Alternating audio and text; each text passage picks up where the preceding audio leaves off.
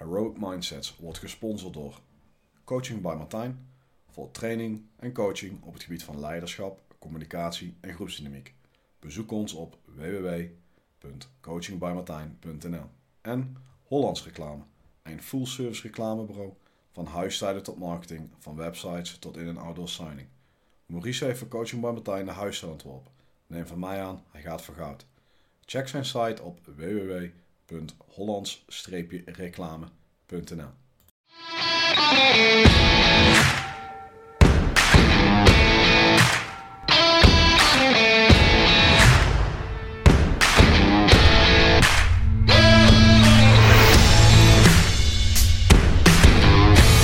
Hey, leuk dat jullie luisteren. Uh, vandaag als gast bij Rogue Mindsets Tibor Olgers.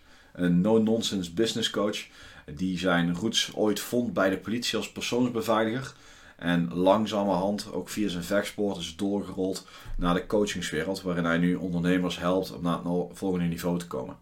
Ehm, vanaf dag 1 dat ik Tibor leerde kennen, eerst via social media, sprak hij me direct aan. De manier waarop hij communiceert, uh, aan de hand van de metaforen die hij gebruikt, waarmee hij ontzettend snel en duidelijk kan uitleggen waar vaak de snack zit, waar mensen op kunnen ontwikkelen om beter te worden.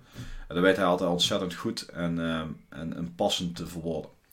Um, we hebben het over mindset natuurlijk. We hebben mindset in relatie tot sport, uh, mindset in relatie tot leiderschap en natuurlijk mindset in relatie tot ondernemen. Um, we hebben het even over verschillende business coaches gehad en wat hij nou doet om zichzelf te ontwikkelen. Kortom, echt een aanrader om een keer naar te luisteren. Ben je ondernemer? Dan zou ik je ook zeker aanraden om een keer naar www.tibor.nl te gaan. En daar eens even te kijken wat voor uh, diensten hij aanbiedt. Uh, naast 1 op 1 coach doet hij ook heel veel verschillende soorten retretes. Uh, en die zijn er eigenlijk in iedere prijscategorie. Dus eigenlijk voor iedereen wat wils, ook als je nog even wat minder te besteden hebt. Veel luisterplezier. Laat me weten wat je ervan vond. En tot de volgende keer. Dank dat ik mag komen. Welkom. Leuk, gaaf dat, je, dat ik de gast mag zijn bij jou. Uh, de eerste vraag die ik altijd stel is: wat betekent mindset voor jou? Mindset uh, is, is, uh, een, kan een gigantische kracht zijn en kan een gigantische valkuil worden. Het is een, een krachtig wapen wat je moet leren beheersen. Beheersen is denk ik het, het sleutelwoord. Mm. Ja. Als je geen beheersing hebt, dan gaat het met je er vandoor. Mm. En, maar ook als je, als je, dat zie je bijvoorbeeld in de, in de sportwereld wel, en trouwens ook in het bedrijfsleven.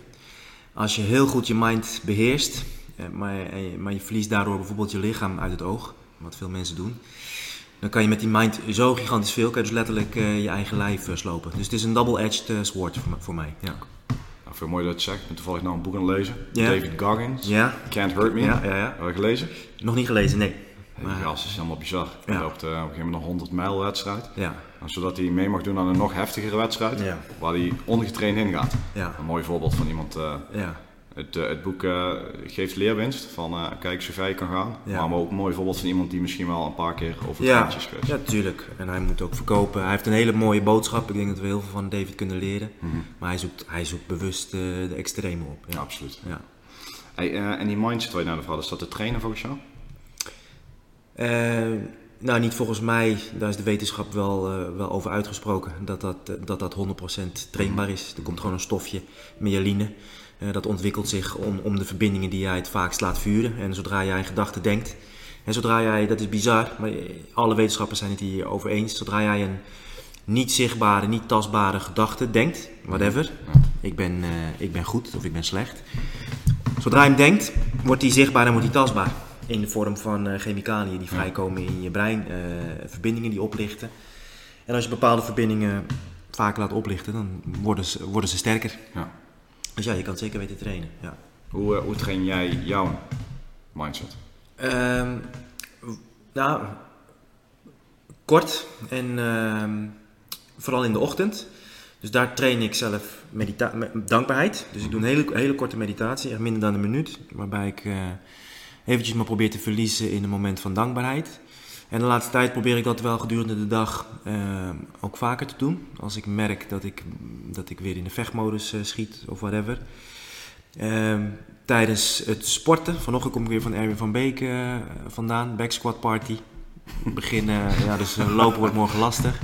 Begin op 40 kilo en elke minuut komt er 2,5 kilo bij. En dat dan 40 minuten lang. Ja, op een gegeven moment word je gewoon bang van die stang. Als er, en, en je beentjes die, die worden steeds moeier. Ja, dat is ook 100% mindset. Zodra je naar dat stemmetje gaat luisteren wat bang is, mhm. dan, dan, ga je sowieso ga je, ga je het niet meer redden. Ja. Ja. En wat je net vertelde van dat je wel eens in de vechtmodus schiet, wat bedoel je daarmee? Nou, dat is dus die mindset. Ik denk dat veel, veel jongens met, met onze achtergrond, politie, defensie, uh, daar, dat we herkennen. Um, kunnen, kunnen knokken. Ook, ook met die stem in je kop, zeg maar. En, maar ook in het leven. Verantwoordelijkheid pakken voor dat wat je wil, en vervolgens voor knokken. Um, ja, dat kan je heel ver brengen, maar dat kan je ook. Uh, knokken is, niet, is lang niet altijd de snelste weg naar, naar je doel, naar datgene wat je wil. Mm. Soms is meegaan met dat wat er gebeurt veel, veel effectiever. Ja. Maar het zit er wel bij, mij, in, bij mij in. Ja. Oké. Okay. en um, voor wat betreft je achtergrond. Je hebt een, ja, toch wel een vrij specialistische achtergrond vanuit het verleden. Um, op je website staat volgens mij teamleider speciale eenheid. Operationeel teamleider, ja. Dus gewoon, ik heb tien jaar lang bij de toenmalige DKDB, heet nu DBB, dienst bewaken beveiligen, gewerkt.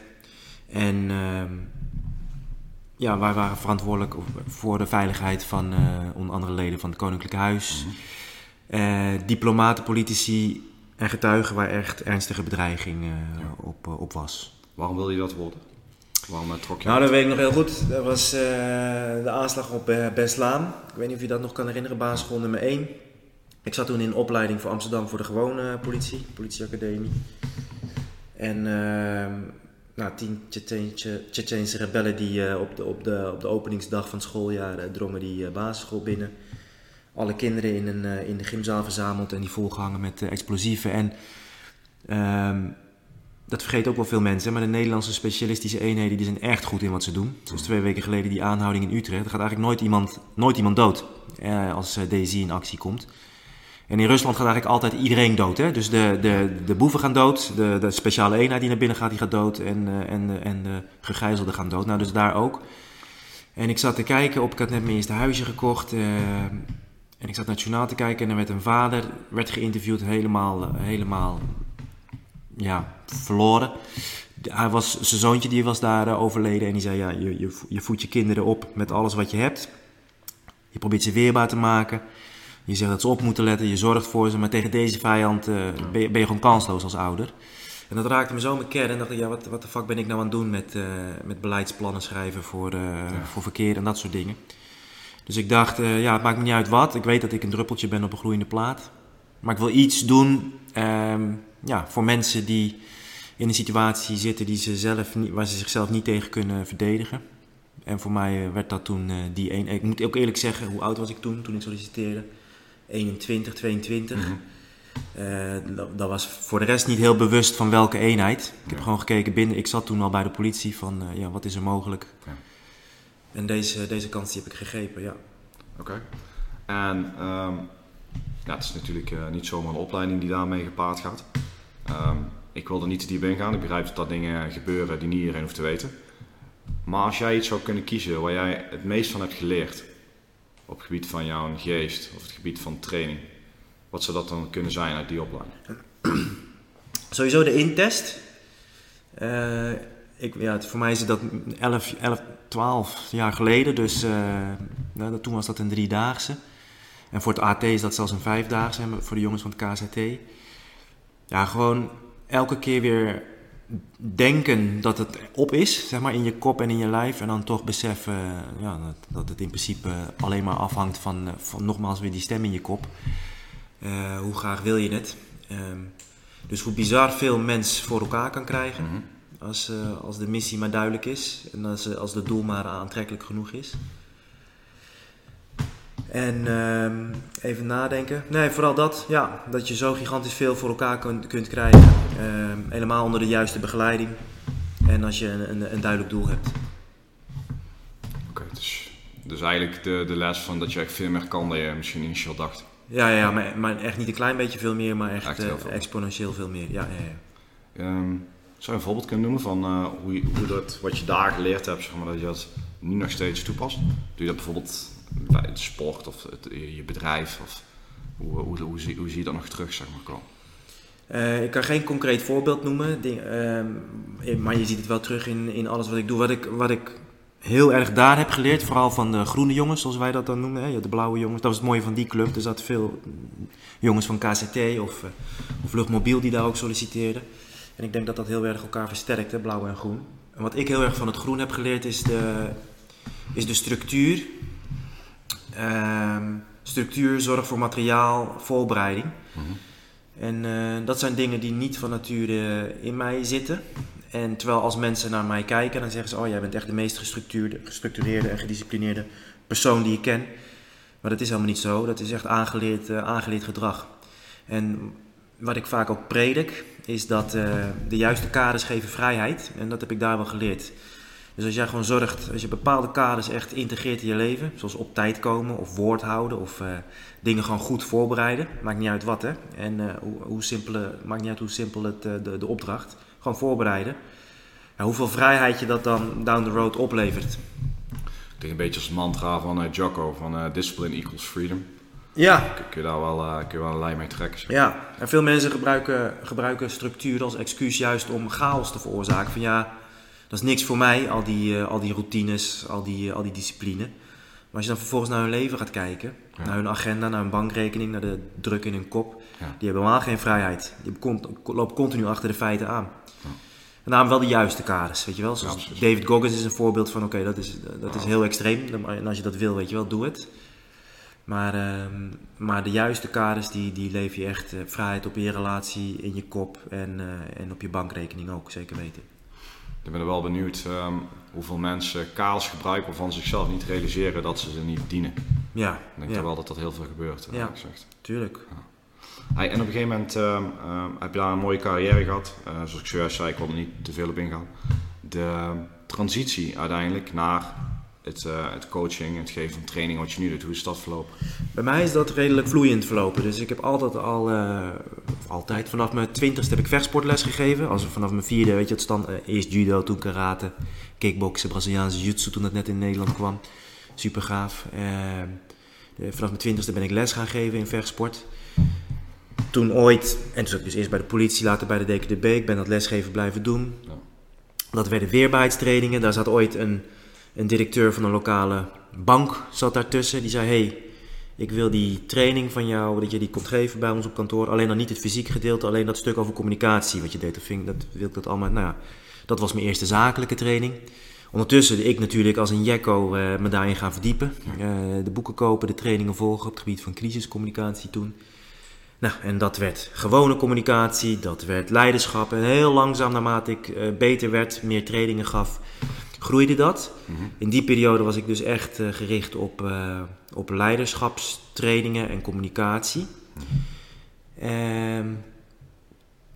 tijdens mijn werk bij de DKDB stond het in het begin echt op een laag pitje. Dat ging echt vol de eerste nou ja, vijf, zes jaar voor de DKDB. Mm -hmm. Toen heel langzaam, het was ook echt een drukke periode in het begin. Uh, we hadden toen die aanslagen gehad op Pim Fortuyn, uh, Theo van Gogh, die allebei niet in de beveiliging uh, zaten helaas. Uh, maar waardoor wel de dreiging natuurlijk omhoog ging en alles en iedereen in de beveiliging kwam en wij het druk hadden.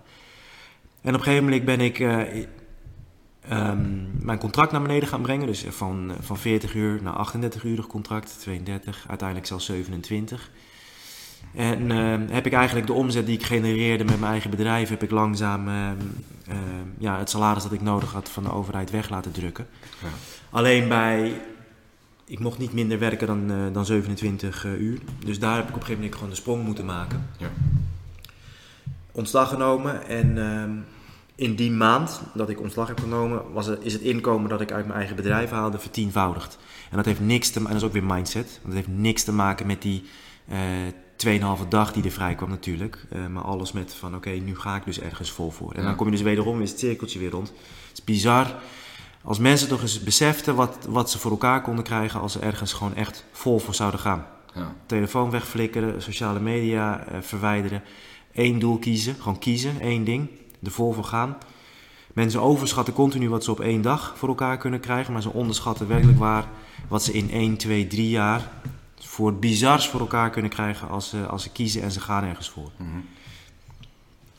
Ja, mooi. Ik, moet, eh, ik vind het ook wel heel herkenbaar. Uh, ik je zojuist vertelde voordat we begonnen met opnemen dat ik zelf ook bezig ben met mijn eigen bedrijf. Ja. En eh, het is dan toch wel, uh, heel, voor mijn gevoel, heel spannend om een stap te zetten om te Ja. stoppen bij Defensie en Ja. daar volledig op te focussen. Ja, en je moet, gewoon, je, moet het, je moet wel altijd blijven nadenken. Maar je zal, als ik jou over een jaar of over twee jaar spreek en je, en je, en je hebt ontslag genomen, hoop ik dan. ehm, dan zal je zien wat er in die, in die paar maanden allemaal is gebeurd eh, nadat je ontslag hebt genomen. Waarvan je denkt, ja, maar dat had in principe ook al eerder kunnen gebeuren. Maar dat, dat gebeurt pas als je het oude loslaat, want dan pas heb je je armen vrij om dat nieuwe aan te pakken. Ja. Zo werkt het echt. Hey, en als jij iets moeten opnoemen waar je nou het meest enthousiast voor raakt van hetgeen wat je nu doet, wat zou dat dan zijn? Eh, als ik een podium op kan lopen en een. eh, ja, tw- twee dingen. Als ik een podium op kan lopen en een grote groep mensen.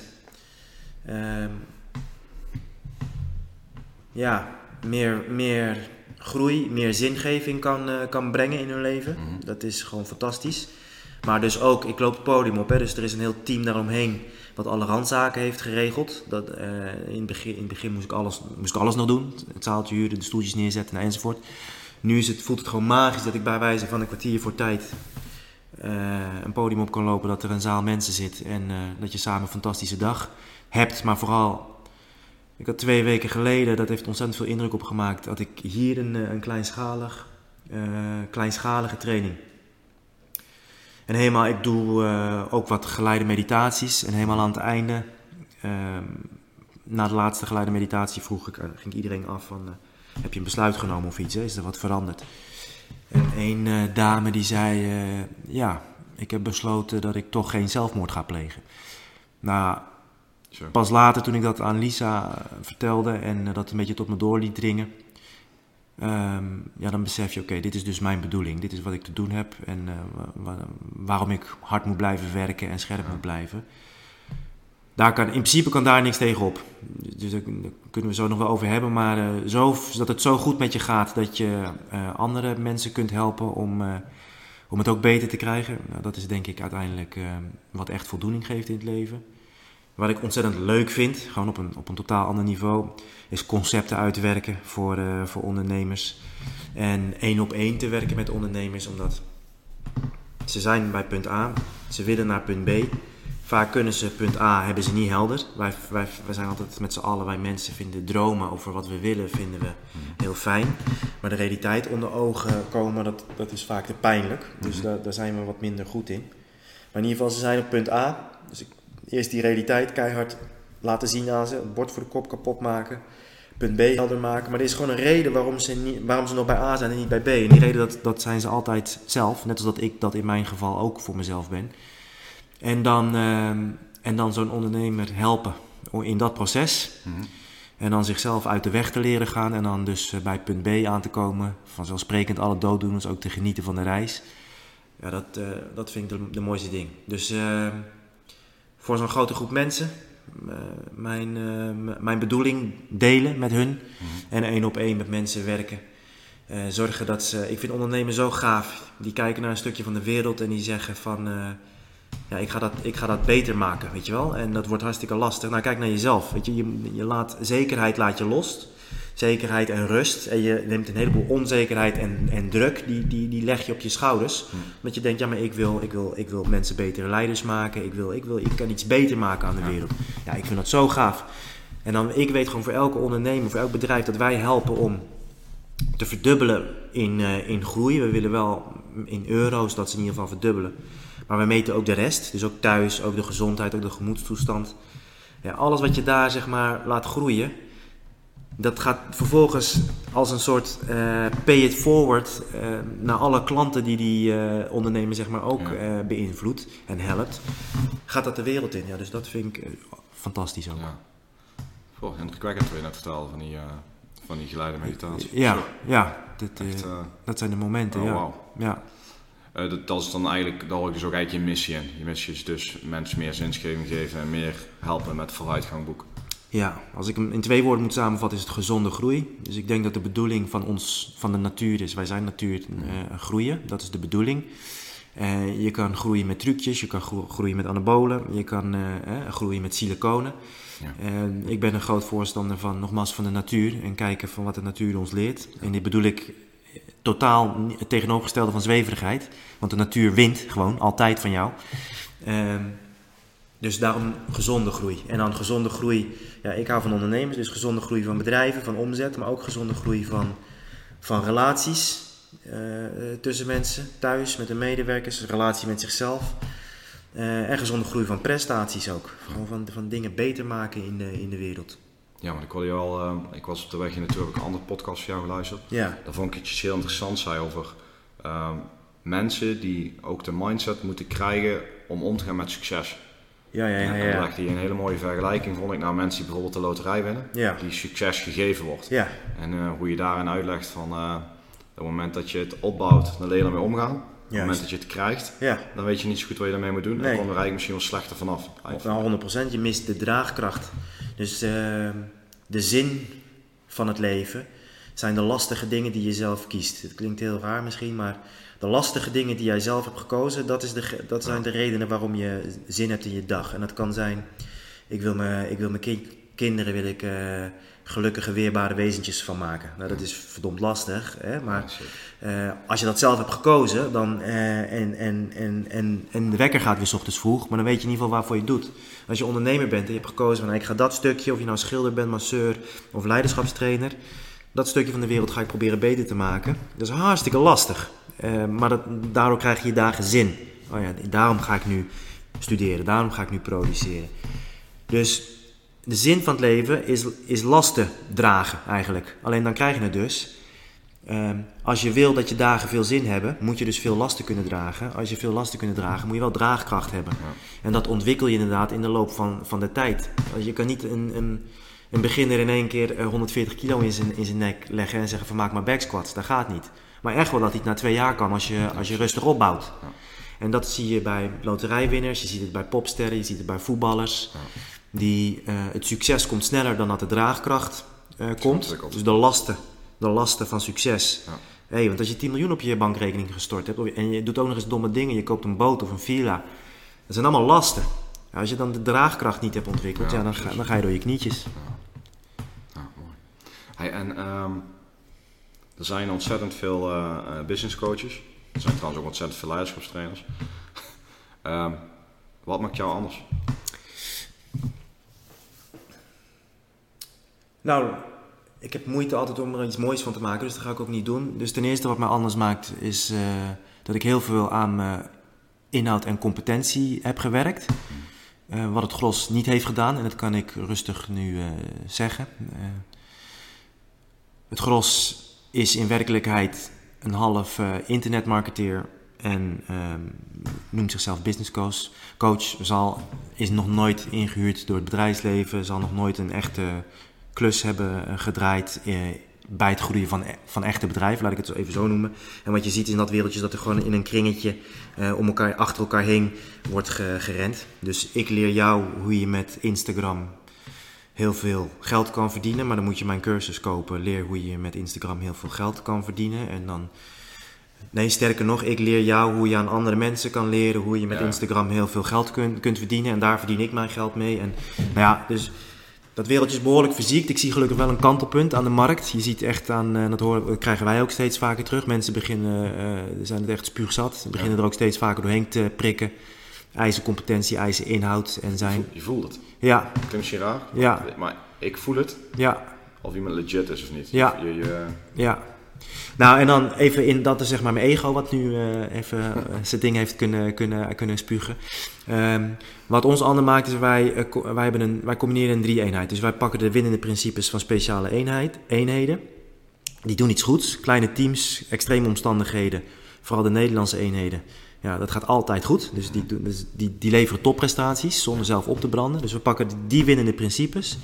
Die combineren we met de succesvolle strategieën van de jonge start-ups. Denk echt aan de laatste 7, 8 jaar. Uh, Swapfiets nu, wat gigantisch succesvol is. Ehm, nou, Airbnb, Uber. Als je naar die, naar die recente start-ups gaat kijken, dan ontdek je daar een rode draad in hun strategie, in hun werkwijze, die echt bijna haak staat op de modellen uh, tot, tot dan toe, zeg maar, tot tien jaar geleden. Dus de winnende principes van speciale eenheden, de succesvolle strategieën van start-ups en dat lijmen we aan elkaar met de oude wijsheden van stoïcisme. Ja. Uh, regel, regel je fucking shit, pak je verantwoordelijkheid, ja. zie het zoals het is. Neem je als zo persoonlijk. Ja, ja, haal jezelf uit de vergelijking. Hè. Het, uh, en, uh, en die drie-eenheid, um, in ieder geval nog niet, want je ziet nu wel dat we langzaam steeds vaker worden gekopieerd, wat prima is. Um, maar die drie-eenheid zie je niet. Dus je ziet veel bedrijven, en misschien is dat ook hartstikke goed, die richten zich volledig op het fysiek-mentale. Je ziet veel bedrijven die richten zich volledig op de euro's. Je ziet veel ondernemers die richten zich volledig op de, op de mindfulness, op de persoonlijke groei. Als je naar ons naar een retreat gaat, waar wij werken in operaties, business retreats in, eh, in Nederland en in Spanje, dan is de eerste nacht is een helnacht. nou, voor de jongens uit Defensie, die, eh, die, die hebben daar wel beelden bij. Eh, voor de meeste burgers is dat ja, gewoon een, een, een hel als ze erin zitten en achteraf zeggen ze: Wauw, dit, dit, dit heeft mij meer opgeleverd dan, dan alle leiderschapstrainingen die ik ooit heb gevolgd. En alle cursussen en alle boeken die ik heb gelezen. Dus dat zit erin. De rest van de week is het dan uh, elke dag trainen onder begeleiding van de beste, fysiek. Elke dag mediteren, yoga zit erin. Uh, en is het keihard werken aan euro's en, uh, ja. en verdienmodellen. En dus het is echt die, die drie-eenheid die, die ervoor zorgt dat wij buitengewoon, dat onze klanten eigenlijk buitengewoon resultaten neerzetten. Mooi. Um, ik weet niet of je het al in wil gaan, maar je zei van de, de winnende principes van speciaal eenheden, de winnende principes van Startups. Ja. Zou je daar een voorbeeld van willen noemen? Ja. Of is dat te veel? Ja, nee, absoluut niet hoor. Dus de, de vier principes die bij ons vanuit de Special Forces die bij ons centraal zijn, zijn uh, eenvoud, zichtbaarheid, procedures en ritme. Mm-hmm. uh, ja, zichtbaarheid. Uh, dat wat je niet ziet, dat kan je te grazen nemen. dat spreekt ook voor zich. Um, Bijvoorbeeld de cijfers. Heel veel ondernemers hebben de, hebben de. Ik heb het nou niet over een sniper die ergens verstopt ligt, maar over, uh, over iets wat bijna even dodelijk is. Namelijk uh, slechte cijfers waar je niet naar kijkt, waar je jezelf niet mee confronteert. Ja. Dus een van de dingen die wij doen, is dan pak, combineer ik even zichtbaarheid en ritme. Wij vragen aan, ons, aan de mensen die we begeleiden om echt in ritme, het liefst elke dag en anders elke vrijdag, bepaalde cijfers eruit te trekken, die aan de muur op te hangen, zichtbaar, uh, bij, op, je, op je bureaublad als achtergrond uh, in te stellen, elke week opnieuw te verversen. Dus je continu wordt geconfronteerd met de cijfers en de percentages. Ja. Hoeveel geld geef je uit aan marketing? Hoeveel geld geef je uit aan bullshit?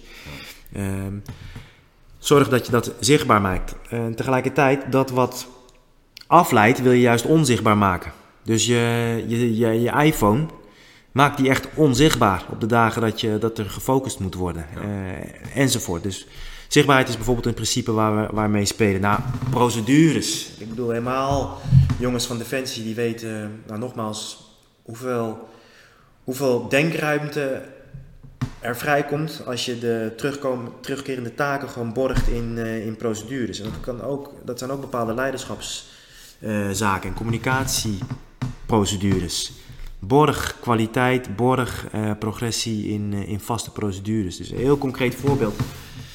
Um, uh, een bedrijf waarvoor floathouse.nl van, van Jasper, superbedrijf in Breda, hebben en cryocabines, weet je wel, die kamers die min ja, onder 30 graden worden. En float, floatcabines, unieke combinatie. Ja, die heeft gewoon op één A4'tje voor, voor zichzelf en voor zijn personeel gewoon echt hele simpele procedures uitgeschreven van wat doe je als een klant voor het eerst binnenkomt. Wat doe je als een klant voor de tweede keer binnenkomt. Wat doe je als iemand voor de tiende keer binnenkomt. Wat doe je als iemand klaar is en vertrekt. Dat staat allemaal in procedures, waardoor je daar, als je daar binnenkomt, gewoon altijd een topervaring hebt als ja. klant. Dat is gewoon geborgd. Oké, okay. en voor wat betreft de bijzondere start-ups? Um, wat zou je daaruit kunnen distilleren? Um, nou, wat, welke zal ik daar uitpakken? Dit zijn een, een aantal P's, ik zal ze niet allemaal uh, uh, eruit halen. Wat start-ups goed kunnen, omdat ze, en dan heb ik het echt over de start-ups die geld moeten ophalen en, en, en, en willen proberen om, om zo snel mogelijk hun token te kunnen verkopen, om iets op te bouwen wat verkoopbaar is. Dus die kunnen ontzettend goed pitchen. Die kunnen in ontzettend weinig woorden duidelijk maken wat ze doen, voor wie ze dat doen, welk probleem ze daarmee oplossen en waarom ze uniek zijn. Die kunnen dat heel simpel met heel weinig woorden. Nou, en 999 van de duizend ondernemers die ik spreek, en ik zeg, vertel mij nou eens eventjes in, uh, in minder dan een minuut, en dat is nog steeds heel erg veel, wat je doet, voor wie, welk probleem je oplost en waarom je uniek bent. Ja, die komen niet uit, die komen met een blaadtrekkend verhaal. Uh, het gaat heel erg over de inhoud, het gaat heel erg over hun. Het gaat, uh, en uiteindelijk is er eigenlijk nog steeds niks duidelijk. Laat staan dat er verlangen en nieuwsgierigheid is uh, opgewekt naar hun product of hun dienst. Dus leren pitchen, leren in concrete taal duidelijk verlangen en nieuwsgierigheid op te wekken bij de ander. Dat is een van de dingen die we van startups kunnen leren en die we dus ook onze klanten Oké. laten doen. Oh, mooi. Interessant. Hey, um, ander onderwerp. Laatste las ik ook, vond ik ook mooi. Ging over doelen stellen. Ja. En dat vond ik, uh, dat vond ik mooi, want ik word ook uh, doodgegooid tegenwoordig met vision boards maken en dream boards en dromen over de toekomst. Ja. En daar had jij een reactie op. ja. Kun je ons daar eens mee doorheen nemen? Dat vond ik... Ja, ten eerste, alle respect hè, voor, voor iedereen. Dus als iets voor je werkt, verander vooral helemaal niks. Dan, um, dus dit is weer even ego dan wat nu losgaat. Dus ook in het, in het bullshit business coachingswereldje is het is gewoon heel makkelijk hè, om mensen een vision board te laten maken en zeggen van dit is dan je business coachingstraject. Hè. Uh, verhoog je, um, plak wat plaatjes van een eiland en een dure auto en een Rolex, een Rolex en een Louis Vuitton tasje op een, bordje. Verhoog je prijzen en, uh, en, en hef je blokkades op en het, en het geld zal je toekomen. Dat is natuurlijk geluld, of het is, gewoon oplichting. Maar dat gezegd hebbende... Um, een visie ontwikkelen, die ook weer zichtbaar maken, kan ontzettend waardevol zijn. Wat ontzettend belangrijk is, we wonen in het Westen. Als jij bij de Albert Heijn moet afrekenen uh, en uh, de cashier die, uh, die noemt het bedrag en je laat je vision board zien, dat gaat gewoon niet werken. Je hebt euro's nodig op dat moment. En dus wat, wat ik zeg is, een vision board kan zeker weten bijdragen als je eerst de reality check hebt gedaan. Eerst de reality check. Eerst de waarheid onder ogen komen. Jouw eigen bullshit gedrag, je eigen verantwoordelijkheden die je niet pakt, je shit die je niet regelt, je remmende overtuigingen, die programmering die je van je ouders nog steeds aan het, uh, aan het uitvoeren bent. Kom nou eerst dat eens onder ogen. Mm-hmm. En als je dat hebt gedaan, dus het bord voor je kop, wat je, wat je gewoon ter bescherming voor je kop had gehouden, maar daardoor zie je de wereld niet goed. Ja. Als die stuk is en je kan het zien, dat is een goed moment om te zeggen: Oké, okay, dan wil ik daar naartoe. En dat is wat mensen dus vergeten, wat ik toen net ook zei van A naar B. Mensen zijn heel erg veel met B bezig. Ja. Maar als ik naar New York toe wil en ik ben ergens in de Verenigde Staten, maar ik heb geen idee waar, dan ga ik niet in New York uitkomen. Ik moet eerst weten waar ik, uh, waar ik nu ben. Dus eerst die reality check en dan zeker weten, hey, als het voor je werkt, maak een, uh, maak een vision board. Dan hoop ik dat je na het maken van het vision board ook een concreet plan maakt. Ja. Met oké, okay, wat ga ik dan, uh, wat moet ik dan doen vandaag en morgen en wat moet ik dan af hebben volgende week.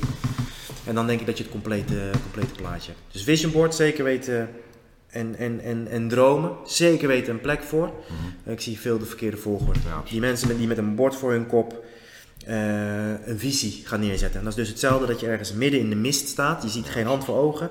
En dan ga je een visie ga je creëren. Ja. Uh, dat is niet handig. Nee, dat begrijp ik. Hey, en uh, daar spe spendeer je ook dus aandacht aan op het moment dat jij dus in je coaching zit of in je retreat zit met die ondernemers. Ja, ja, eerst, die, eerst het bord kapot en dan pas gaan we het hebben over. Ja, en dat gebeurt, dat, daarom, dat is eigenlijk. Die helnacht is niet om ze te pesten of om ze te, fysiek te breken. Je, dat, dat, dat ten eerste um, hebben wij er niks aan als we ze kapot maken. Ten tweede is het super makkelijk om de meest fitte baas binnen vijf minuten fysiek te breken. Um, nee, dat gaat omdat, uh, omdat dat alle maskertjes meteen stuk zijn, alle façades die we allemaal gebruiken omdat we onzeker zijn. Uh, en, dat, en een façade zou kunnen zijn dat ik heel erg stoer doe, omdat ik onzeker ben. Ja. Hè, dat ik daarom uh, een groot uh, een mondje heb en altijd maar stoer doe. Dat gaat allemaal stuk tijdens die helnacht. Dat ga je, want dat krijg je zo hard terug als je, als je dat vol blijft houden. En dat is het fijne van die helnacht. Dat is dan een stuk, wordt een stuk. Ah, iedereen kan ontspannen. We hebben allemaal elkaar op, op ons lelijkst gezien, op ons ja. onzekerst, op ons echtst. En dan kunnen we gewoon de rest van de week normaal doen. En meteen naar de kern. Uh, meteen naar de kern. Ja. Eerst bord kapot en dan kan je werken. Ja. Hey, en als we dan, uh, we hadden het dus net over uh, bord kapot, doelen stellen, dan doelen achterna gaan. Wat zijn jouw doelen? Wat is jouw ambitie? Ja, mijn ambitie is om in ieder geval de komende... Ik kijk niet veel verder dan drie jaar uh, vooruit. Ja. En dat adviseer ik ook uit aan andere mensen. Mag voor mij hoor, als je over tien jaar. Maar ja, ik heb geen idee of we daar nog op aarde wonen. En hè, wat Elon Musk dan allemaal voor elkaar heeft gekregen. Ja, dus over drie jaar zou ik het heel tof vinden als, als we drie... Of sorry, als we duizend ondernemers eh, hebben laten verdubbelen in groei, minstens. Dus echt in euro's. En eh, persoonlijk vrij eh, helpen breken van, van hun shit, van datgene wat hun afremde. En nogmaals, voor de ene is dat zichzelf kleiner maken, voor de ander is dat zichzelf groter maken. Maar man, als wij dat zeg maar met 330 mensen per jaar doen de komende drie jaar, en wat dat dan weer voor effect heeft op de mensen om hun heen en hun klanten, ja, dan, dan heb je het over een exponentieel grote groep mensen die je, die je kan raken met gezonde groei. Ja. Betere relaties, betere prestaties, ja, dat is fantastisch. Dus dat is, uh, dat is de missie voor de komende drie jaar. Mijn, mijn, mijn eindtest, en ik denk dat dat voor iedereen de eindtest zou moeten zijn, is uh, continu competenter worden. Zodat ik steeds meer, hè, dat mijn dagen steeds meer zin krijgen, dat ik steeds meer lasten kan dragen. Mhm. Dat ik steeds meer testjes haal van de natuur, van het universum zoals ik dat dan zie. En dan die grote eindtest halen. Uh, namelijk dat als ik zo meteen dood ga, dat ik dat kan doen met een glimlach op mijn gezicht, omdat ik voluit heb geleefd. En dat ik gewoon voldaan uh, kan sterven. Ja, alles wat ik te zeggen had, dat is gezegd. Alles wat ik wilde maken, dat is gemaakt. Uh, en ik denk dat maar heel weinig mensen die eindtest halen, met een voldaan gevoel zonder spijt sterven. En ik denk dat dat, dat is in ieder geval mijn missie. En ik denk dat dat, ik denk dat dat de missie van het leven is voldaan sterven. Zodat, omdat je voluit hebt geleefd. En je, je vertelde net van uh, natuur is alles in groei. Um, ja. We zijn hier om competenter te worden, beter te worden. Ja, ja, ja. Natuurlijke selectie. Wat, wat doe jij uh, precies? Je doet, uh, ik weet dat je veel traint, ja. fysiek. Ja. Maar je zei ook, ik train ook veel mijn competenties op het gebied van business. Ja. Wat, wat doe je dan uh, bijvoorbeeld? Ik, ik omring me gewoon met de beste in, in mentoren. En, en, iedereen weet wie dat zijn. En die staan ook op mijn site. Ilko Smit, Bernd Mintjes, Ron Immink. Sinds kort ook Gert-Hein de Heer, oud CEO van, van Monuta. Ja, dat zijn, dat zijn mensen die hebben zakelijk gezien zo, die hebben zoveel overnames gedaan, zoveel investeringen gedaan, zoveel bedrijven van uh, uh, ja, tien keer, tien keer uh, laten, over de kop laten gaan in een positieve zin, laten groeien. Dus, dus ja, als ik daar al maar één keer in de maand mee zou kunnen, kunnen lunchen en van, van, kunnen, van kan leren, ja, dat, dat laat me daar leer ik ontzettend veel van. Ik ben een nerd, dus ik lees gewoon gigantisch veel, al, al tien jaar lang. Gewoon twee, drie boeken per, per maand op het gebied van business. En ik ga heel graag naar trainingen toe, zakelijke trainingen. En dat is moeilijk hoor. In Nederland zijn die er niet echt. Als je denkt dat je naar een zakelijke training gaat, is het, is het een marketingtraining over het algemeen. Maar in, uh, in Engeland al zijn er meerdere echt goede goed inhoudelijke trainingen. Strategizer, ook van, uh, van, van origine een Nederlands bedrijf. Maar traint uh, af en toe in Amsterdam, maar ook in Duitsland geven zij trainingen. Business Model Canvas is van hun, waardepropositie Canvas. Hoe kan dat? Dat dat dat het in Nederland niet is?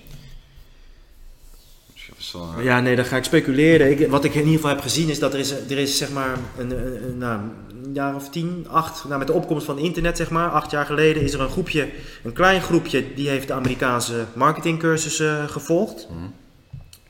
Die is dat gaan uitleren. En uh, ja, dat is explosief hard gegroeid een aantal jaren lang. Iedereen, iedereen trapte daar zeg maar uh, in. Um, en er zijn een paar uitzonderingen en die zijn op, op één hand te tellen die wel uh, um, integriteit. Want ik denk dat dat het woord is wat, uh, wat ik verschrikkelijk vond toen ik nog bij de politie uh, zat. Werd ik daarmee doodgegooid, maar wat ik, wat ik nu echt omarm. Dat is wel het, het principe wat ontbreekt bij het, bij het gros in die, in die groep. Het was gewoon heel makkelijk om, om heel veel geld te verdienen. Mhm. Je deed Facebook-advertenties, je deed een, een challenge. En dit is ook een beetje, ik vertel nu het gemiddelde business coachingstraject. Doe een challenge, doe een opt-in met een challenge. Dan doe je een webinar. En aan het einde van een webinar doe je een, een, een aanbieding van een product. Je zegt dat het 10k is en dat het nu uh, eh, 2997 euro is. Het bestaat uit online modules. En dat werkte gewoon een hele tijd. Kon je daar gewoon gigantisch veel geld mee uh, verdienen. Ja. Dus... Uh, en tegelijkertijd, als je bijvoorbeeld kijkt naar mannen zoals Bernd Mintjes of, uh, of Ilko Smit, ja, die, die gaan dat niet doen, omdat ze hebben dat niet nodig. Want die zijn namelijk druk bezig met, met echte investeringen, met echte bedrijven. Um, dus die zie je ook niet. Ook als je gaat zoeken, dan vind je, vind je dat soort. Ja, dan vind je de marketers, want die zijn goed om in, in Google bovenaan te komen. Ja. Dus, uh, en als je dan bijvoorbeeld naar zo'n training gaat, dan. Uh, Waar gaat zo'n trainer bijvoorbeeld over? Als je, wat, wat betekent dat, een business training? Wat uh, ja, hoe help je je klanten betere uh, businessmodellen te ontwikkelen? Hoe help je, hè, dat soort training waar wij naartoe gaan, hoe help je je klanten om hun, om hun, uh, hun propositie, dat is ja, businesstaal voor hun aanbod, zeg maar, beter af te, af te stemmen op de markt. Uh, branding is iets wat ik super interessant vind. Hoe bouw je nou een merk? Uh, wat zijn daar sleutelelementen in? Financieel meesterschap. Ja, ja. Ook marketing is, is vanzelfsprekend. Uh, het, soms lijkt het alsof ik wat tegen marketing heb, absoluut niet. Maar noem het dan gewoon marketing.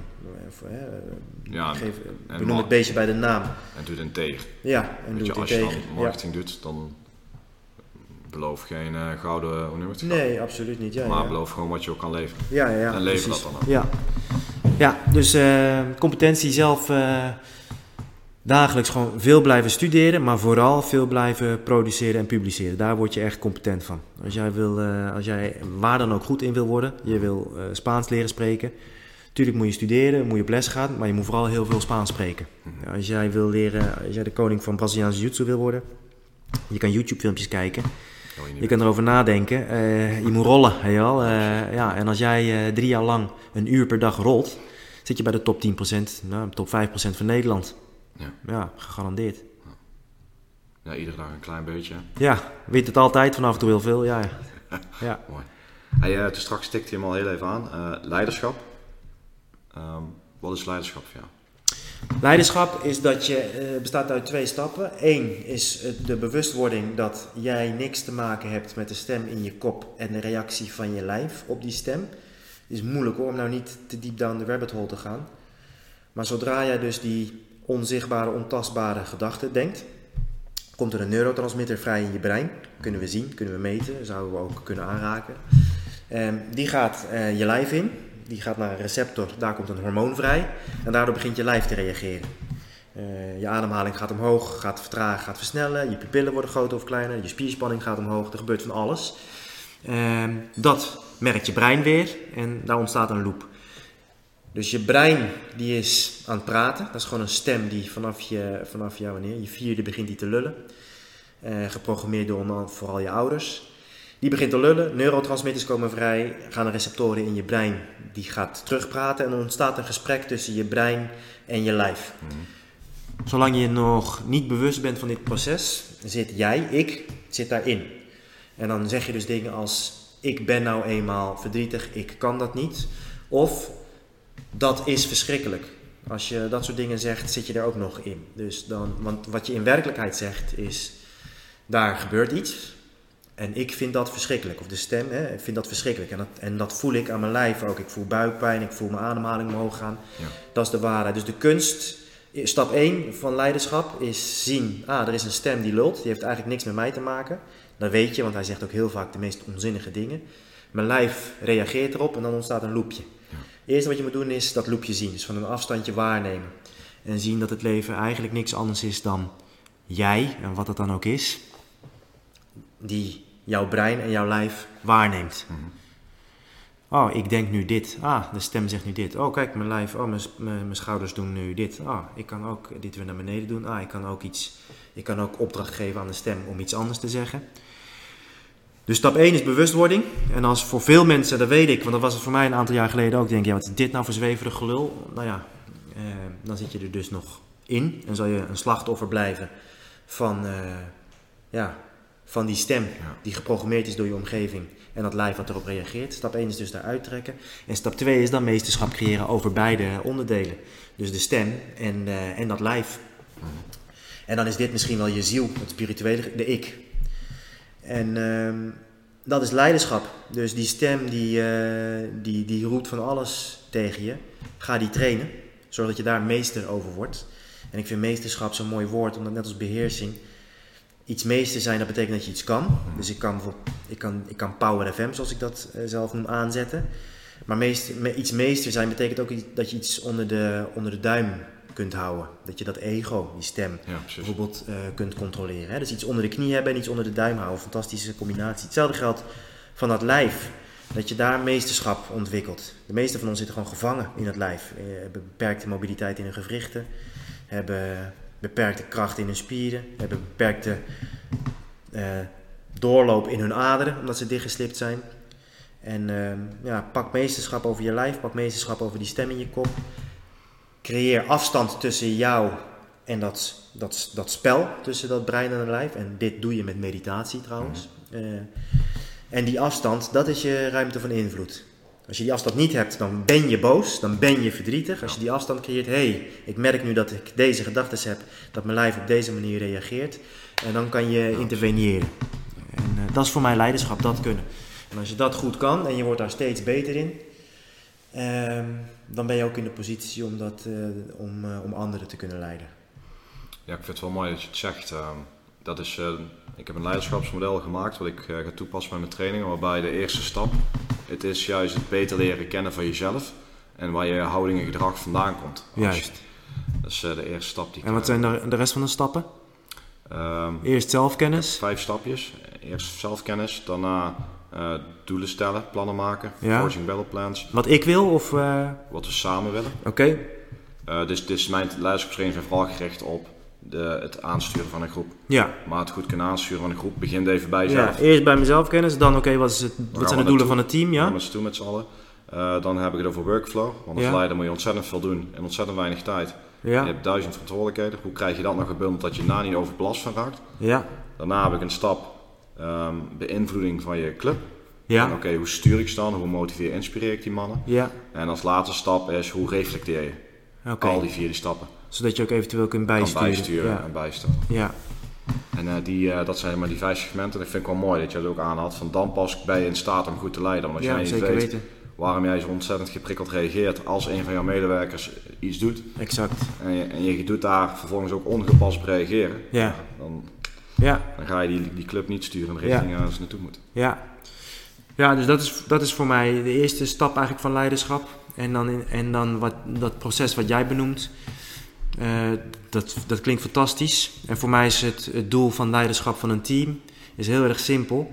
Namelijk uh, ervoor zorgen, jij als competent leider, dat je, maxima, dat je anderen helpt het maximale uit zichzelf te halen. En dat je vervolgens al die vrijgekomen uh, energie richting geeft binnen richting één gemeenschappelijk gaaf doel. Dat is voor mij leiderschap. Het maximale uit anderen halen en dat sturen richting één gaaf gemeenschappelijk doel. Ja, ja. Oké, okay, dus dan zou je kunnen zeggen dat de belangrijkste tip is van eh, leer nou eens eerst goed weten hoe je zelf in elkaar steekt. Waar jouw gedachten, emoties, gevoelens, etc. vandaan komen. Exact. En hoe je daar controle over kan houden. En daarna dus ook jezelf kan sturen om anderen te kunnen sturen. Ja. Wat zou nog een tip zijn die jij zou willen geven? Op het gebied van? Leiderschap. Leiderschap. Uh, ja, ik, wil, ik hou dan graag bij aardse dingen. Dus ik zou graag willen dat iedereen, man, vrouw, jong, oud, zware gewichten gaat optillen. Twee keer, twee keer in de week, drie keer in de week. Daar zit voor mij alles in verstopt. Dat lijf wordt competenter. Die stem in de kop ga je elke keer het gevecht mee aan. Dat begint al op het moment dat je moet gaan, hè, uh, daar. S'avonds neem je je voor, dat vindt die stem prima. Ja, is goed hoor, morgen gaan we trainen. Dan moet je gaan, dan heb je al uh, een stuk minder zin. Dan begint die stem al dwars te liggen. Um, kou, groot voorstander, zoek die maar op. Nou, dat, uh, wederom, het is fantastisch voor je lijf, maar stiekem. Um, de, er is niks wat je kunt doen, in ieder geval niet in mijn eigen ervaring. En ik laat me begeleiden door uh, Marcel Hof, de broer van Wim Hof. Uh, die begeleidt mij en Lisa. Het is mij nog niet gelukt om iets tegen mezelf te kunnen zeggen waardoor ik zin heb om in dat ijsbad te stappen, zeg maar. Gewoon elke keer heb ik er geen zin in. En wat de truc is, is om dat lijf gewoon erin te duwen.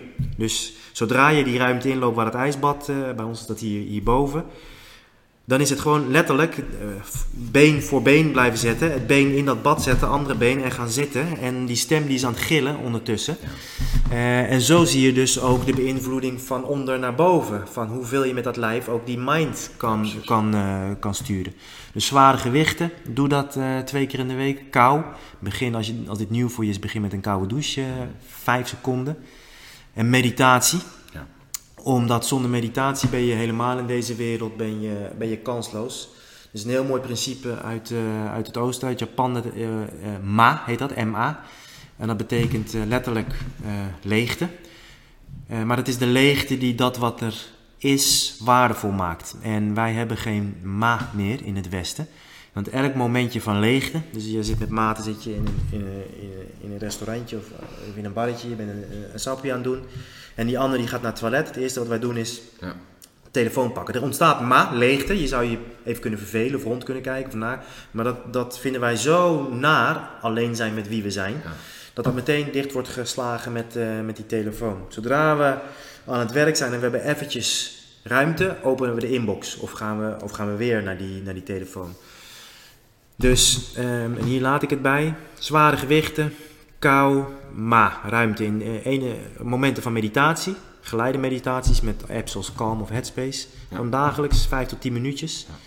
Als je daar geen tijd voor hebt, heb je echt een groot probleem. Als je denkt dat je daar geen tijd voor hebt of als je dat roept. En creëer eens gewoon ruimtes van ma in. Dus uh, kies eens de langste rij bij de supermarkt. Uh, als, je, als je vijf minuten tussen afspraken hebt, doe eens gewoon niks. Weet je wel? Blijf eens gewoon zitten. En moet je opletten wat er, uh, wat er voor magisch gaat gebeuren. Ja. Ik heb vorig jaar of dat hadden we een, doen we wel een Vision Quest. Dat was geen 24 uur. Ja. Gewoon met je tentje. Ja, in het bos, zitten. Ja. Geen telefoon, geen horloge. Ja, wat heeft je dat opgeleverd voor inzicht? Wat was je grootste inzicht? Eigenlijk had ik een aantal vragen van tevoren voor mezelf opgesteld, waar ik antwoord op zou willen. Ja. Um, een stuk of tien. Ja. En ik kwam erachter dat ik die niet beantwoord kreeg door de week. En dat ik daar na twee uur ze zo kan invullen. Ja. Dat dat heel moeilijk leek, eigenlijk heel makkelijk was. Ja. En ik ben er ook achter gekomen dat, dat precies wat jij beschrijft, dat ongemakkelijke gevoel, dat, dat sloeg bij mij om in een verveling. Ja. En ik heb niet zozeer herkend dat ik niet op mijn gemak was met mezelf. Maar, maar ik, ik merkte gewoon dat ik het gevoel had dat ik wat moest doen. Ja, nou, dit is dus dit is het westerse, de westerse ziekte. Wij zijn human doings geworden in plaats van human beings. En uh, ik, ik, zie dit dagelijks. Mensen die, die, ja, ik heb hem van Tony gehad hoor, Tony Robbins. Um, maar mensen die continu.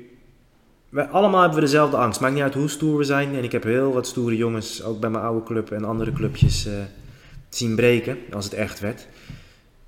Uiteindelijk zijn we allemaal, hebben we allemaal dezelfde angst, namelijk dat we niet goed genoeg zijn. Dat zit nou eenmaal in onze bedrading erin ge, ingebrand.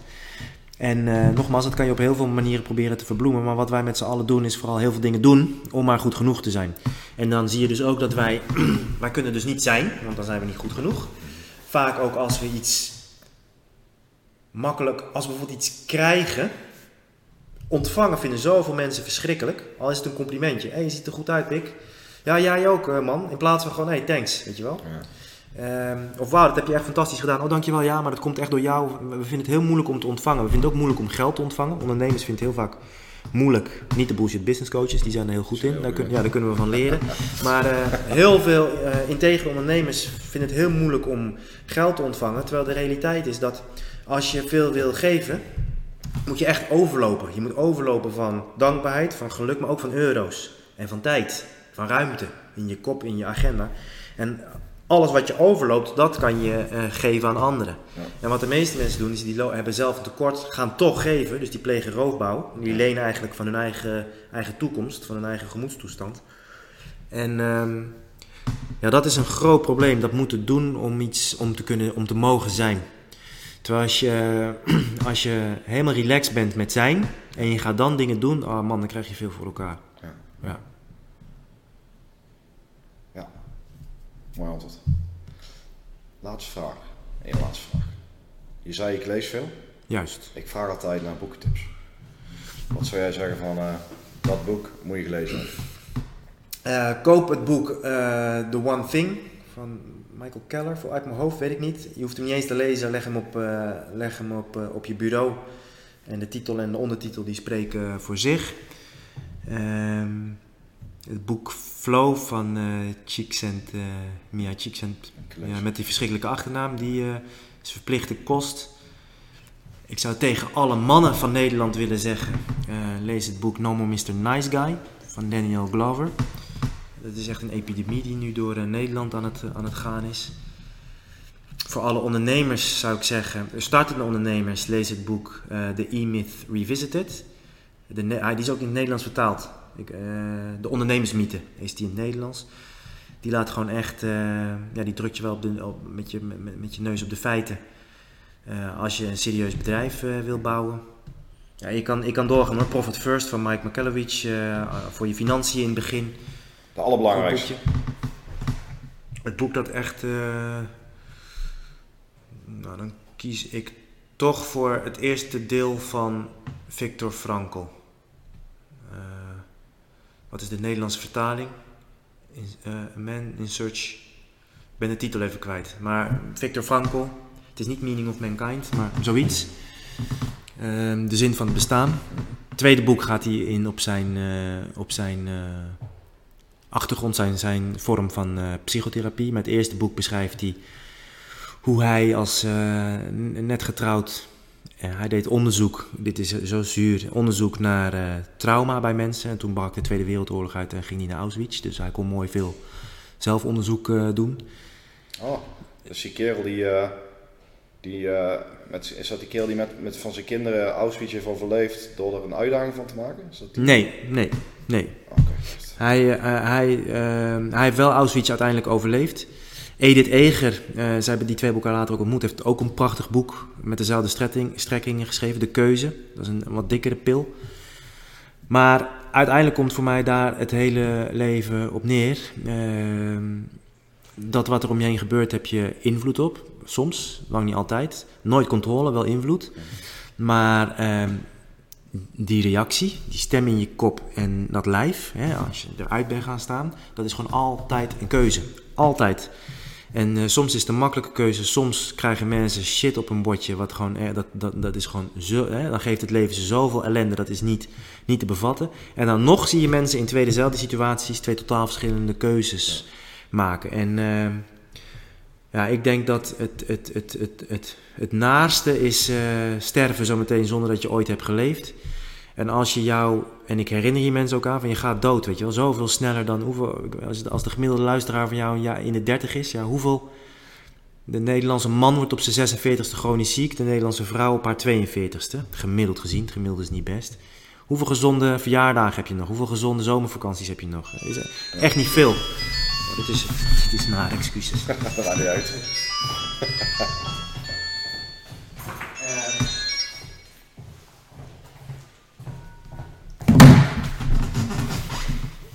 Je gaat dood, besef dat je nog maar eh, heel weinig eh, gezonde jaren hebt. Al heb je er 30, weet je, is super weinig.